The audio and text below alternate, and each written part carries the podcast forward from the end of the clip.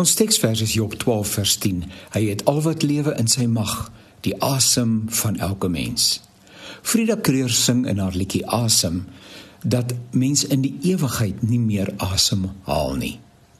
Ons almal het die verwagting dat wanneer ons van hierdie teenswoordige werklikheid vertrek, ons die ewigheid by God gaan deurbring. Ja, vir hulle wat glo, het die ewigheid reeds begin, die dag toe hulle hulle saak met die Here uitgemaak het en hom as hulle persoonlike verlosser en saligmaker aanvaar het.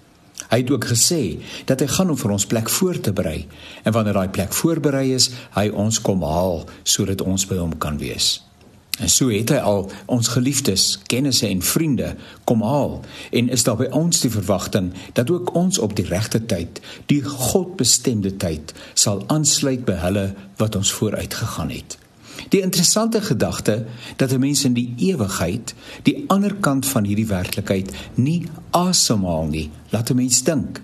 Die prediker sê mos, daar's 'n tyd om asem te haal en daar's 'n tyd om nie meer asem te haal nie. Dis my woorde van die prediker se woorde, en my uh, weergawe van die prediker se woorde, 'n tyd om gebore te word en 'n tyd om te sterwe.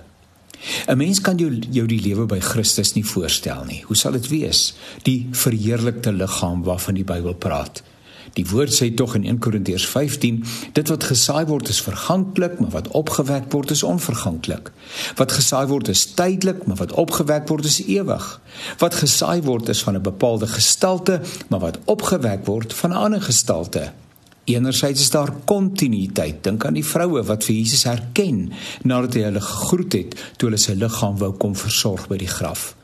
Eweneens verskyn die Here aan sy disippels terwyl hulle bymekaar was en wys vir die ongelowige Thomas die wond in sy sy en sy deurboorde hande. Alle aanduidings is daar dat hulle hom herken het. En tog het Jesus in sy verheerlikte gestalte anders daaruit gesien as voor sy opstanding. Aardse wetmatighede was nie meer op hom van toepassing nie. Hy verskyn doodgewoon aan sy disippels. Ek glo dat ons nie vir 'n enkele oomblik verveeld sal wees in die ewigheid nie. En dan weer tyd bestaan nie in die ewigheid nie. Tyd is 'n hierdie kanse realiteit. In die ewigheid is daar nie tyd soos ons dit ken nie. Net so is daar in die ewigheid nie suurstof wat ons aan die gang moet hou nie, ook nie 'n hart wat moet klop sodat die bloed die eindpunte van ons liggame bereik met dit wat nodig is om optimaal te funksioneer nie. So, hoe moet 'n mens oor hierdie dinge dink, dit verstaan?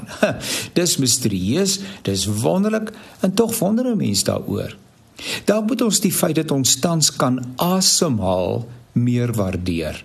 Asemhaal is so outomaties, 'n mens dink nie daaroor na nie. Dis eintlik eers wanneer jy asemnood beleef dat jy agterkom dat jy sonder asem nie kan lewe nie. Konsentreer vir 'n wyle op jou inasem en uitasem. Dank die Here vir hierdie merkwaardige meganisme wat hy aan die mens gegee het en wat die mens aan die lewe hou. Asem in, asem uit. Asem in, asem uit.